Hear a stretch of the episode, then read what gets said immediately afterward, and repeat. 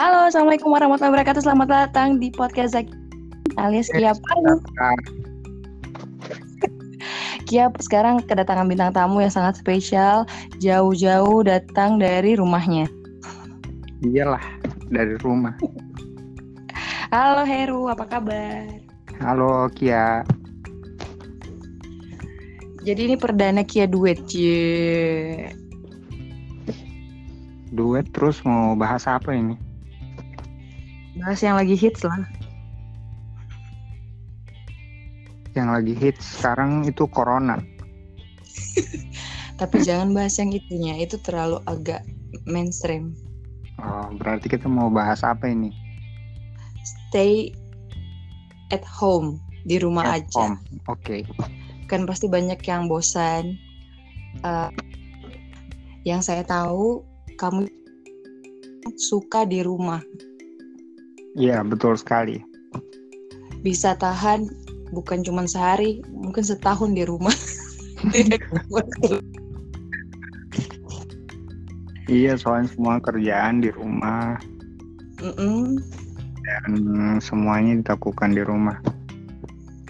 Memang orangnya rumahan ya, suka di rumah. Suka di Jadi rumah sama- jadi begitu ada corona itu tidak bukan sesuatu Tidak. yang baik. Sudah biasa ya, malah bersyukur. Iya lah. Jadi bagi jadi Kia ini mau bagikan tips ala Heru bagaimana bisa nyaman di rumah tanpa rasa stres, bosan atau apalah. Jadi yang Hmm, dilakukan kalau- Heru Tips ini hanya berlaku untuk orang-orang yang introvert. ya introvert. Kalau orang-orang ekstrovert kan rata-rata tidak mereka itu tidak tahan kalau lama-lama di rumah selalu butuh orang lain untuk recharge energinya kan Mm-mm. Saya sebagai orang ekstrovert di sini. Jadi kita Nah. akan bawa dua versi. iya betul oke Ah, ah. kamu yang ekstrovert Mm-mm. kemudian saya yang ekstro yang introvert Untuk yang introvert, yang paling disuka mungkin tiga tiga hal ya, tiga hal yang dilakukan di rumah untuk seorang introvert apa aja? tiga hal yang dilakukan di rumah untuk introvert pertama itu kita bisa eh, dengar musik Kenapa dengar musik? Kayaknya ekstrovert juga. iya maksud Umum itu itu kan umum kalau di kalau di rumah itu kan ada musik-musik yang memang enak didengarkan sendiri Oh, iya bukan yang kalau selera pribadi itu didengarkan sendiri contoh-contoh lagu yang untuk didengarkan sendiri. ya musik-musik musik-musik klasik atau musik-musik yang iramanya tidak keras Up. Yang low ya. Oh, yang low yang atau yang agak pop.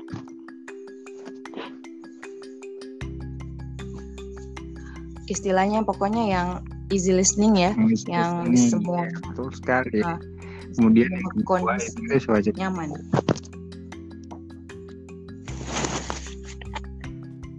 Oke oke, jadi dengerin lagu yang easy listening, yang low, mati sendiri. Terus ya yang kedua, yang kedua itu kita bisa baca buku. Oh my god, introvert banget ya. iya baca buku baca internet baca semua informasi yang diinginkan dari lewat internet. Gitu. Komunikasi pun bisa lewat internet membaca chat dan lain-lain semua termasuk di kegiatan membaca kesukaanku. Membaca chat, membaca WA, berarti gosip. Oke oke oke. Membaca. Sebenarnya itu kalau untuk orang ekstrovert yang eh, mungkin yang tidak suka baca, itu agak kalau yang sedikit suka bosan baca ya. Tipsnya agak lebih senang kamu baca. suka membaca Saya rata-rata introvert tuh suka membaca biasanya dia Iya, ah, ah, bener. dia kan cuma berteman dengan dirinya sendiri kebanyakan interaksi dengan dirinya sendiri. Dan tidak akan pernah bosan ya kalau baca. Ya tidak bosan. Karena ada banyak sekali yang bisa dibaca, bukan cuma satu hal kan. Oh, tiap topik yang lain atau ke media yang lain ya.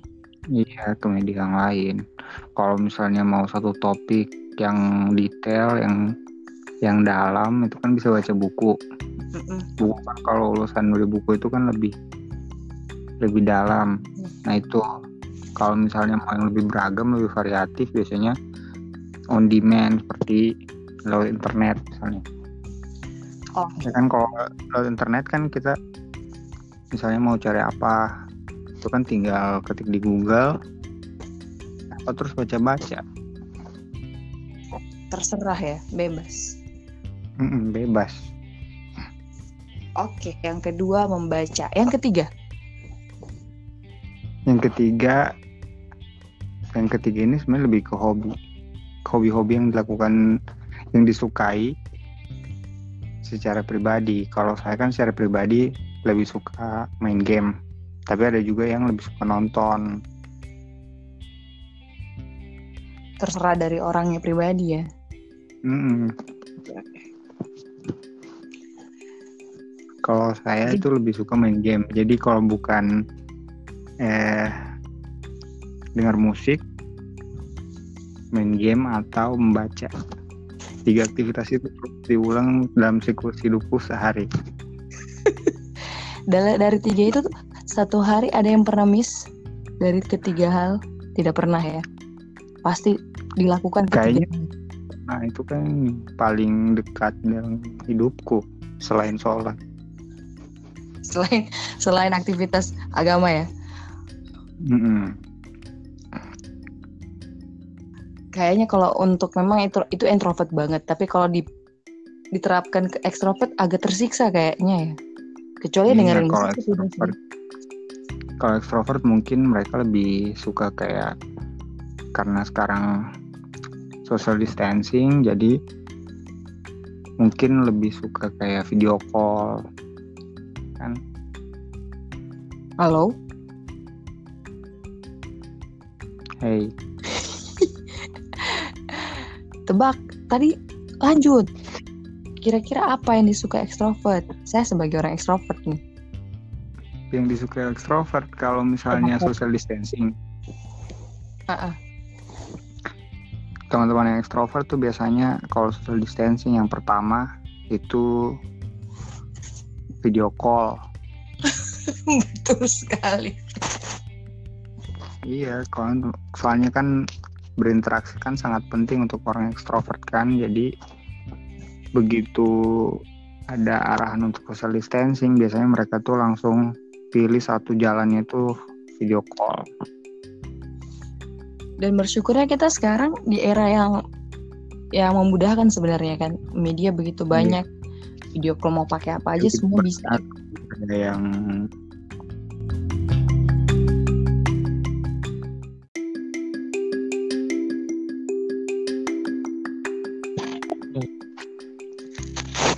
Oke, balik lagi di segmen yang kedua. Tadi segmen yang pertama udah bahas tentang apa aja yang dilakukan di rumah versi orang introvert. Dan Iya, sekarang iya.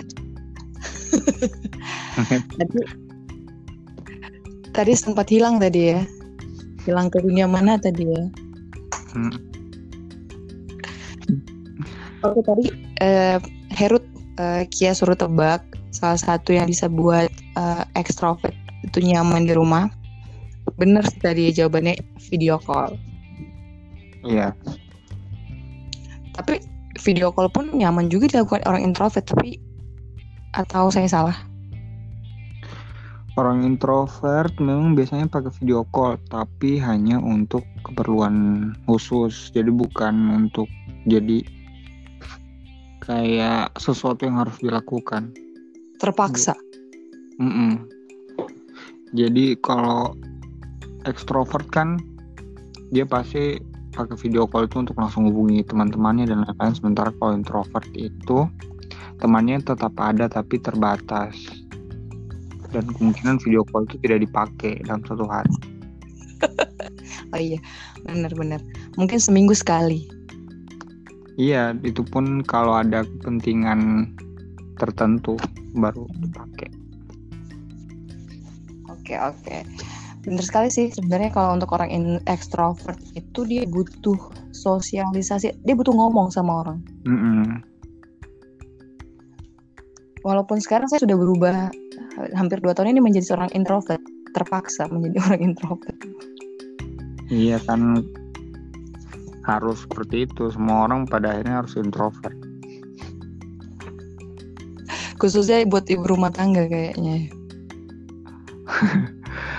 Ibu-ibu rumah tangga sebenarnya tidak introvert. Tapi dia stay dia selalu stay di rumah loh. Dengan rutinitas yang selalu sama tiap hari tiap hari ketemu orangnya itu itu aja bisa jadi itu orang introvert dong ya. Iya kan tapi uh, kalau dikatakan orang benar-benar introvert atau ekstrovert kayaknya susah. Kalau ada orang extrovert yang kemudian berubah introvert tiba-tiba itu kayaknya susah. Tapi bisa sih seperti seorang Raisa dan Isyana atau Raditya Dika kan orangnya introvert aslinya. Tapi mereka hmm. bisa keluar di zona itu bisa beradaptasi sih tapi tidak lama misalnya yeah. nyanyi dia bisa stand up tapi dia tidak bisa di waktu yang lama dia harus kembali lagi ke dunianya di rumah kayak gitu Iya sama. Introvert juga eh extrovert juga begitu ya. Extrovert kebalikannya kan dia lebih malas mm -mm. sama sendiri. Bisa tapi ada itu kurang menarik. Betul sekali. Oke. Okay. Terus yang kedua, jadi teman-teman yang, yang... orang ekstrovert. Kayaknya yang introvert harus tebak lagi. Nanti Kia membenarkan. Punya hero, jadi harus hero yang banyak ngomong gitu kan. Oke. Okay.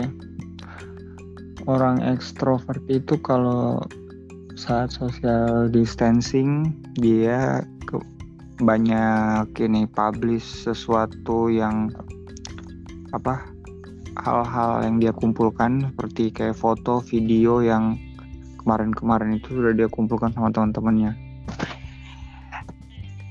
Misalnya dia kemarin itu kan jalan ke mana atau lagi hangout sama teman-teman ke mana.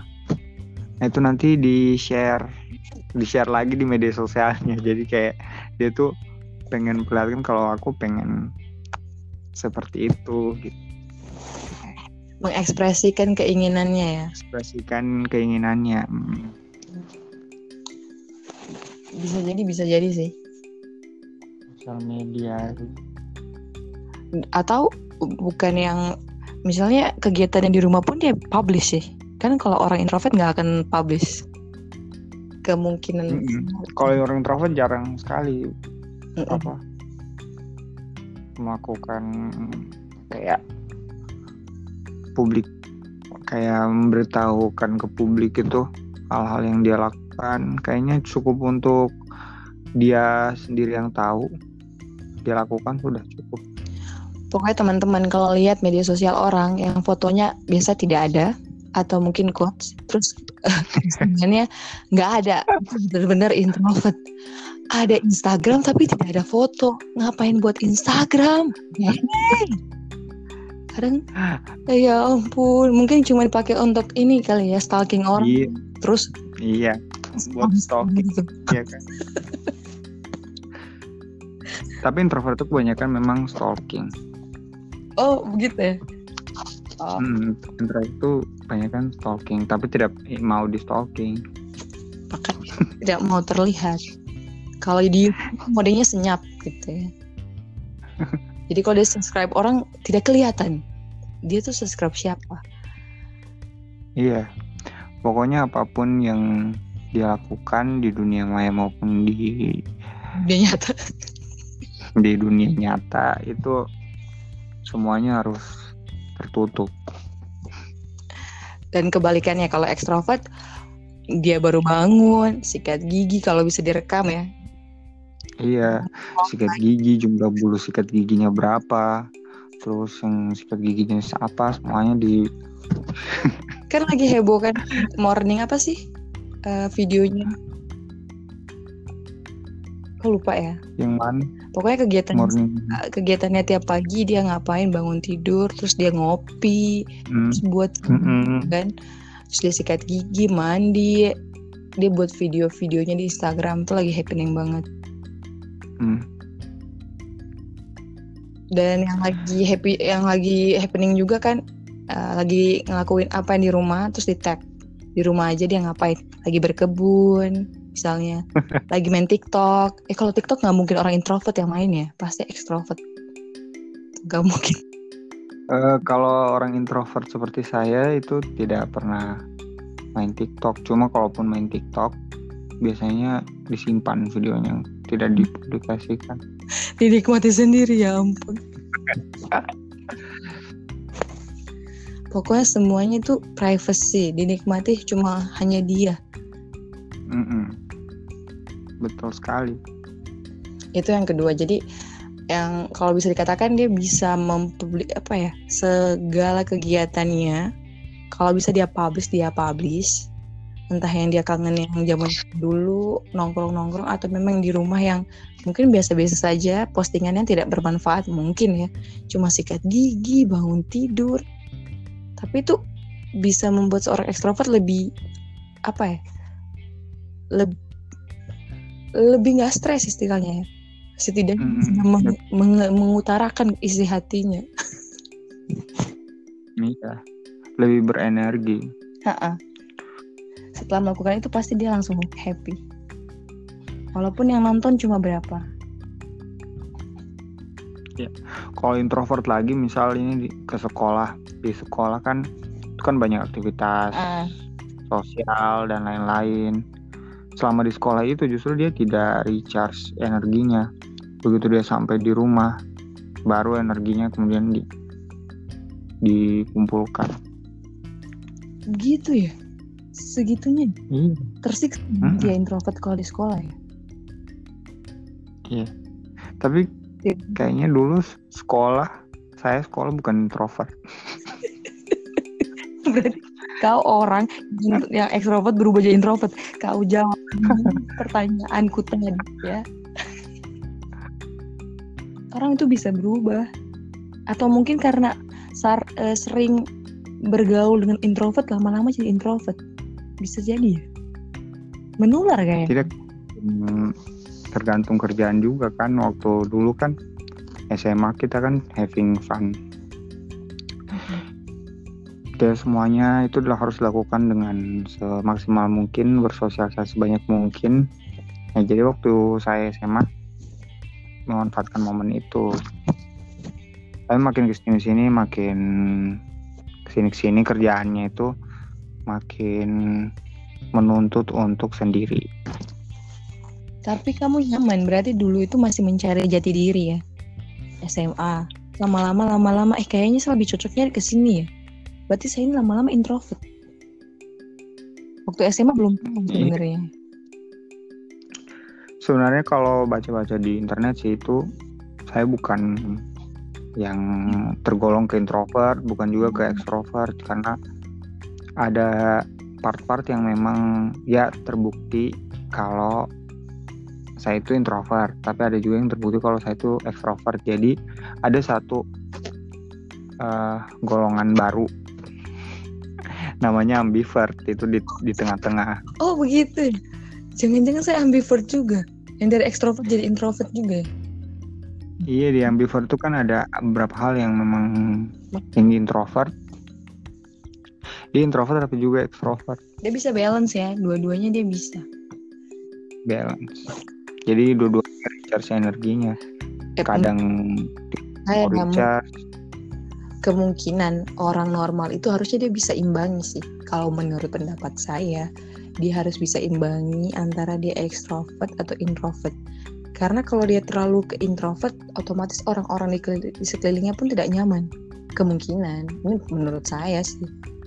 atau kalau yang terlalu ekstrovert orang-orang juga risih ya ini anak ngapain sih Mm. kayak ulat atau orang kesurupan Say- sayang dulu kayaknya orang risih ini. Ini orang terlalu lebay. Mungkin. Atau saya salah? Kalau orang ekstrovert itu kan dia pede kan. Pede di depan umum itu. Eh mampu. Berlama-lama di depan banyak orang. Kemudian di satu pesta besar gitu dia dia malah mau tampil. Dia mah dia tampil, dia mau nyari panggung, Hmm, dia benar. mendapatkan perhatian. Kalau introvert tuh lebih lebih menghindari itu orang-orang introvert. Tapi ada juga orang-orang yang biasa saja kan. Iya iya. Yang biasa saja belum tentu dia golongan yang introvert juga kan. Yang menghindari acara juga tidak kan? Berarti yang am- mau tampil juga tidak. Ambivert apa? Iya ambivert. Oke oke. Berarti ada ter- kita harus ternyata saya baru tahu ada golongan ketiga dan ternyata itu ada namanya ambivert. Iya ada namanya. Soalnya kan dia nama obat. ada orang-orang yang tidak bisa dibilang introvert juga.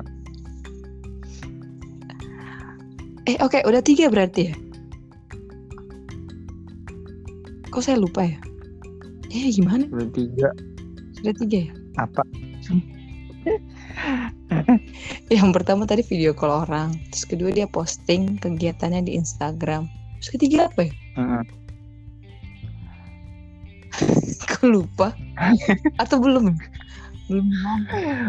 ada yang ketiga itu. Apa? Biasanya kan orang orang ekstrovert itu dia kan suka publikasi itu kan? Ah, baru sampai tuh. Yang ketiga yang ketiga kayaknya orang ekstrovert itu selama social distancing itu pasti buat kehebohan sendiri di rumah. Contohnya contohnya. Ya kan orang-orang ekstrovert kan pasti anti mainstream. Kalau kayak orang introvert sudah biasa baca game-game sudah biasa. Ya kalau orang ekstrovert pasti buat hal yang baru entah itu dia TikTok yang sapu-sapu di lompat-lompat sapu itu terus atau atau joget-joget joget-joget pakai background Korea itu kan Lo bisa buat ini ya. Ya kegiatan dia sendiri ya sih. Mau dia masak. Hampir sama dengan yang nomor dua dong ya. Mm-mm. Tapi kan yang nomor dua itu kan lebih umum. Oh lebih umum. Kayak daily, daily gitu ya. Kegiatan yang saya. Iya, daily ininya. Kalau yang ketiga itu kayak menciptakan Sesuatu yang keadaan yang menyenangkan buat dia. Yang anti mainstream. dia buat prank istilahnya. Atau buat apa gitu Mm. ya. Buat prank lah, buat uh, video-video galaunya di rumah. Videonya Indomie, Indomie yang dilempar-lempar karena bosan. Emang ada yang gitu? Ada kan berapa tuh yang udah 14 hari hari pertama eh, mie-nya masih dimasak normal. Tujuh hari berikutnya mulai mulai robeknya mulai ngerobek itunya bungkusnya mulai kasar. Ya Yang ke hari ke-14 udah dilempar. Jujur, saya baru tahu. Mungkin karena jarang nonton TikTok. Iya kalau orang intro- introvert kayaknya hari sa- pertama sampai Sama sampai abad keberapa juga 100 sama. mie gorengnya nggak bakal Itu mie hari ke-14 dilempar. Ya om. Kalau mungkin juga ya tambahan sih kalau yang dari uh, introvert, introvert, extrovert dia akan melakukan kegiatan kayak yang tadi yang bukan juga anti mainstream sih seperti hobinya dia lakukan di rumah. Misalnya dia menari, olahraga, pokoknya harus bergerak ya sih. Iya, sebenarnya introvert tuh yang melakukan semua yang dilakukan ekstrovert tapi di ranah privasi. Oh kalau extrovert sukanya main band ya kan? Bisa main band di luar manggung. Mm -mm. kalau introvert itu lebih pilih YouTube mungkin ngeband sama YouTube. Dia karaoke. Dia pakai aplikasi-aplikasi nyanyi gitu. Iya jadi dia sebenarnya mendapatkan energi yang sama cuma di tempat yang berbeda. Oke kalau menari dia mungkin menari di dalam kamar atau di kamar mandi. Mm -mm, menari di kamar mandi. Olahraga pun juga demikian ya kirain itu orang olahraga di kamar mandi olahraga di dalam kamar mungkin. Sit up diam push up diam. Iya kan? Mm -mm. dan saya baru tahu kalau orang introvert itu dia bisa nyanyi juga bisa main musik juga cuman medianya yang namanya manusia. Saya kira dia manusia ya introvert extrovert ya tetap manusia kan. Dia menikmati juga musik loh. Anda pikir dia bukan manusia? Oke oke oke. Berarti yang uh, kita balik lagi yang poin pertama dia uh, harus apa sih? Kok saya lupa lagi? Ini kebanyakan di rumah saya jadi kebanyakan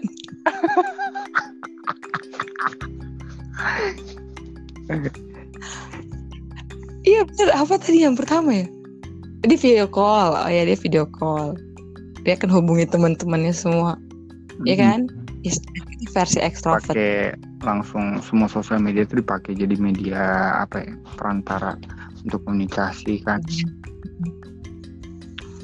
Terus yang kedua dia meng uh, apa ya, mengupload mengekspresikan daily activity-nya dia Terus yang ketiga melakukan sesuatu yang luar biasa. Berbeda. Sesuatu yang anti mainstream. Anti mainstream. Hmm. Mencari perhatian istilahnya ya. Jadi ya kebanyakan kalau extrovert cari like, cari komen, pengennya dikomentari, hmm. ya kan? Cari like, cari komen,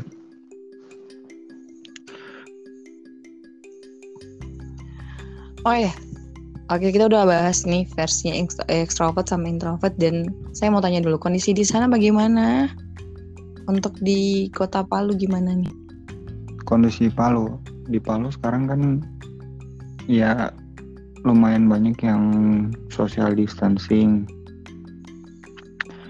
Tapi Jalan -jalan banyak juga yang belum bisa ada social distancing mungkin karena kerjanya masih di luar. Mm -mm Berarti masih rame dong. Anak sekolah sudah libur, terus juga jalan-jalan sudah mulai sepi, banyak warung. Ya. Rumah makan banyak yang tutup ya? Rumah makan banyak yang tutup. Karena yang uh, sepekan lalu kan itu masih pada masih banyak buka tapi uh, via online, Gojek hmm. misalnya tapi ini banyak kan benar-benar tutup ya? Benar-benar tutup dan bukanya belum tahu kapan. Mungkin tunggu himbauan pemerintah dulu kapan amannya baru buka lagi kan? Tapi masih ada yang buka kayak franchise masih ada kan? Yang franchise, franchise itu masih, masih ada. Besar-besar hmm. franchise yang yang besar yang yang SOP-nya mungkin sudah memadai untuk penanganan apa keamanan customer mm -mm. seperti KFC, Pizza Hut, Pizza Hut saja itu kan sudah tidak bisa dine in kan sekarang. Mm -mm. Ini bisa take away. Take away aja. Bisa. Berbiasa juga ya mereka hebat karena memang dia punya standar SOP yang jelas kan. Iya SOP yang jelas yang intinya berpihak sama kebutuhan konsumennya. Mm-mm, dan konsumennya pun bisa percaya gitu kan. Bisa percaya mm, trusted gitu. Kalau di sini itu lagi karena memang kalau di situ kan ini apa bupatinya kan meninggal karena corona Mm. dan itu meninggalnya pun ditahunya corona setelah satu hari setelah meninggal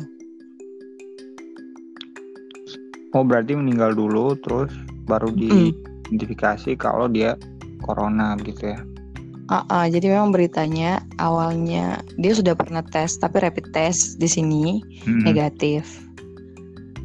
Yang ada kan memang lagi musim DBD. oh Jadi karena rapid testnya negatif lebih condong dia DBD. Tapi setelah beberapa hari tiba-tiba demamnya tinggi disertai sesak nafas. Itu sekitar tanggal akhir-akhir Maret. Jadi se- setelah di sini akhirnya harus dirujuk ke Makassar.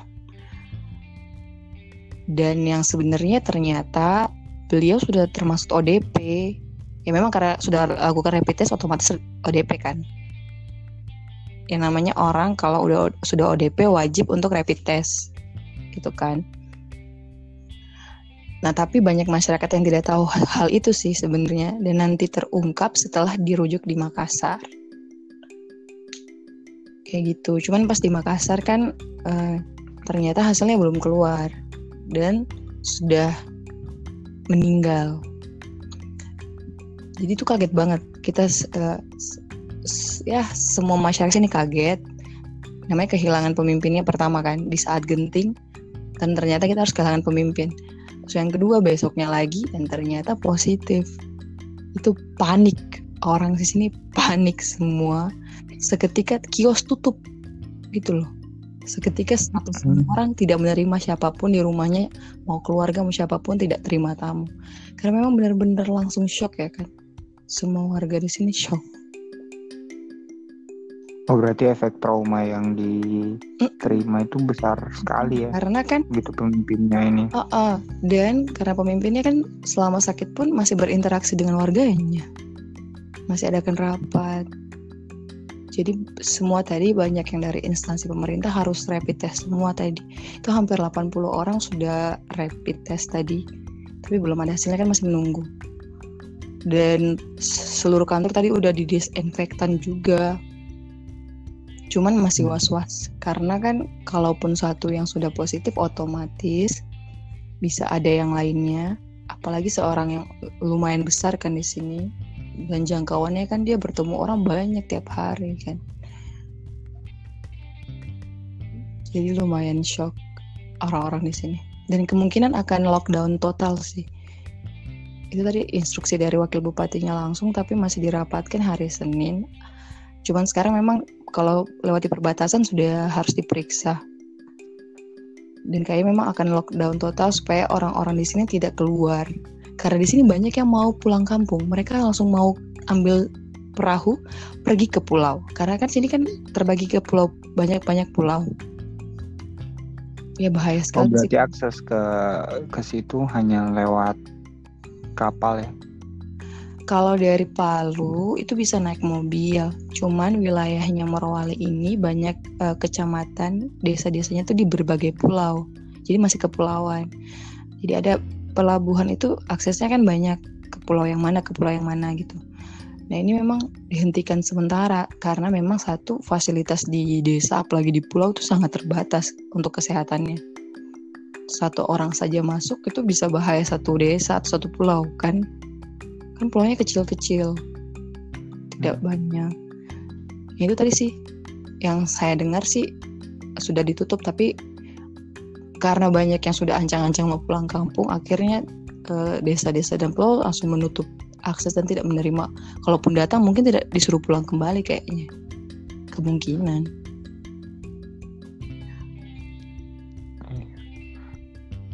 Tapi mudah-mudahan belum puasa ini puasa tinggal berapa hari lagi kan? Hmm. Tapi kalau kita perhatikan memang cara mencegah corona ini untuk berhenti itu kan memang kita harus betul-betul jaga jarak gitu kan. Selama 14 hari. Jadi kalau misalnya dalam 11 dalam 14 hari itu kita betul-betul benar-benar menjalankannya sesuai dengan instruksi kayaknya uh, rantai penularannya putus terus total asal memang semuanya satu semuanya Iya. itu rentak ya lockdown semuanya kompak tidak Mm-mm. anak-anak berjarak walaupun dengan orang di rumah selama 14 hari itu kayaknya pasti eh, rantai penularannya pasti berhenti Mm, dan yang terbaru tadi yang saya nonton sih masih di media sosial. Apakah benar? Sudah ada instruksi untuk sholat taraweh buka puasa dan sampai sholat id tidak dilaksanakan sekala, eh, secara berjamaah dan itu dilaksanakan di rumah. Bener ya? Hmm. Oh, kalau yang kalau saya belum belum lihat oh bawaan seperti itu yang saya lihat kemarin itu cuma sholat fardu sama sholat Jumat itu dilakukan di rumah ah, ah, masing-masing. Kemudian ada perubahan di azannya ah, ah. gitu. Himbauannya untuk tidak beribadah di rumah ibadah karena ya menghindari itu apa ah, berkumpul dan tidak berjarak begitu. Pokoknya sih eh, semoga eh, Indonesia bukan cuma Indonesia sih semua Seluruh dunia ya seluruh penduduk dunia. ini bisa segera terlepas dari virus corona dan teman-teman yang di rumah saja yang sudah banyak videonya kan lucu-lucu tuh ya Eh, Hmm. setelah lockdown setelah di rumah saja jalanin saja sampai lambat kayak siput biar Mm-mm. senyum tidak jadi melambat itu mungkin kemungkinan bisa terjadi sih Tapi kita kan memang eh, ini kejadian yang memang sedih gitu ya. Tapi juga juga pengalaman yang menurutku spesial gitu. Dalam hidupku itu baru Karena? pertama kali. Baru pertama kali Indonesia di kita disuruh di rumah se Indonesia disuruh di rumah saja. Ya, Kayaknya dari dulu belum ada himbauan seperti itu kan. Hmm, Nah begitu ada ini kayak jadi jadi apa? Pengalaman unik. Malahan yang bisa diingat. eh, kalau dulu orang berjuang untuk negara dengan bambu runcing kita di sini dengan harus di rumah rebahan rebahan ini, Jadi sekarang kaum perubahan itu jadi ini. Penolong pejuang. Jadi pejuang. dan thank you dan eh, terima kasih juga buat teman-teman kaum perubahan yang unik yang buat buat video lucu. Pokoknya yang yang unik-unik lah yang bisa menghibur orang-orang dalam keadaan yang mungkin stresnya sangat luar biasa ya Iya. jadi butuh hiburan juga. Ya lumayan lah bisa meng rumah. Mungkin karena tadi juga ada yang- ekstro- ekstrovert tadi itu ya.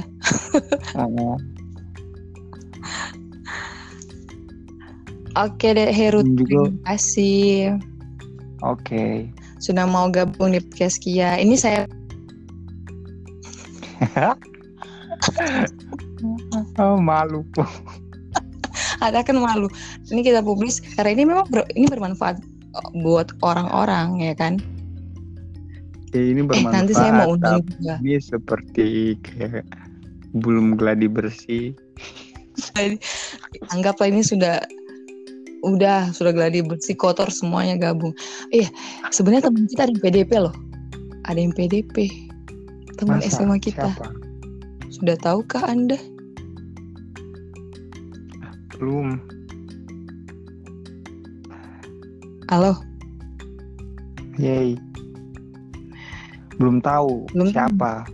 nanti saya buat saya mau buat podcast juga dengan dia kayaknya kau harus gabung jadi kita bertiga jadi ini Oh, oke. Kayaknya saya tahu sekarang.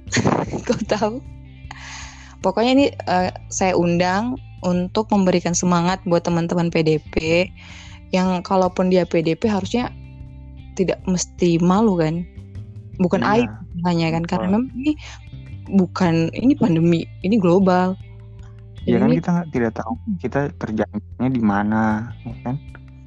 dan bukan kemauan kita juga kan Kemauan kita itu ter- Hmm. terjangkit corona itu bukan kemauan kita bisa jadi kita lagi bekerja terus tidak sengaja, ya kan? Tidak sengaja berinteraksi dengan media-media yang terpapar virus corona. Bukan orang maksudnya ada yang batuk terus nempel di dinding atau nempel di oh iya yang kayak itu. dia buka paket pengiriman gantungan kunci gara-gara gantung Mm-mm. itu bahaya banget. Iya kan kan kan? Tidak dia juga kan menempel di mana-mana kan? Tidak harus orang yang bergerak gitu. Makanya memang itu di rumah saja makanya jangan ke mana. Kalaupun ada barang harusnya disemprot disinfektan atau dicuci dulu kan? Dengan sabun. Iya. paling aman memang cuma di rumah kan? Kalau di rumah kan ya cuma kita kita saja kan di rumah. Mm-mm. Pokoknya nanti mudah-mudahan eh, si dia teman kita itu bersedia supaya memberikan semangat buat orang-orang juga. Iya, dia tidak malu semoga di soalnya dia kayaknya orangnya pemalu Tidak, tidak dia tidak pemalu. Temannya kita ini tidak tahu malu. oh Walaupun dalam kondisi penting dia masih ketawa. Jadi eh, oke daripada dia stres, dia ketawa juga. Ya lebih baik dia kayak dia podcast sama kita Jadi podcast sama kita biar stresnya hilang. Semoga imunnya langsung bertambah Iya, dan dia sehat kan. Dan semoga hasilnya juga tidak positif, kan dia masih PDP. Masih iya kan Hmm. PDP belum tentu positif jadi bisa jadi cuma influenza Gede. yang mau malah rindu. Eh yang yang yang mau nikah yang mau rindu. Lain ini bagaimana perasaan orang yang mau nikah di saat seperti ini? nah kalau itu bisa bisa kita bahas nanti Kita bahas nanti. Oke oke. Saya tunggu pokoknya dua bahasan kita bahas nanti di podcast selanjutnya ya. oke Dijebak berarti. Alasannya percuma pertama ujung-ujungnya tiga podcast.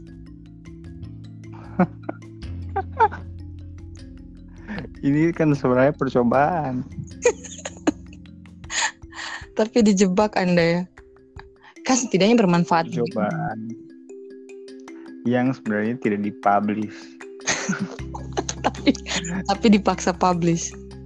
Rugi soalnya. Iya karena tidak ada persiapan orang kan kalau biasanya podcast tuh ada persiapan topiknya apa ini topiknya pas pas coba langsung topiknya introvert extrovert Kan orangnya ini orang luar biasa kan.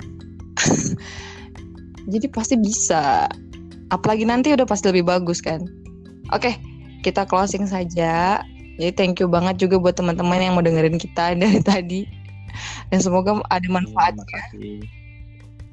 Heeh. Dan jangan lupa untuk dengerin podcast akan menghadirkan bintang tamu yang lebih keren lagi. iya lebih menarik lah pokoknya harus dengar Oke, terima kasih Herus. Selamat malam. Salam buat semua yang di Palu. oke thank you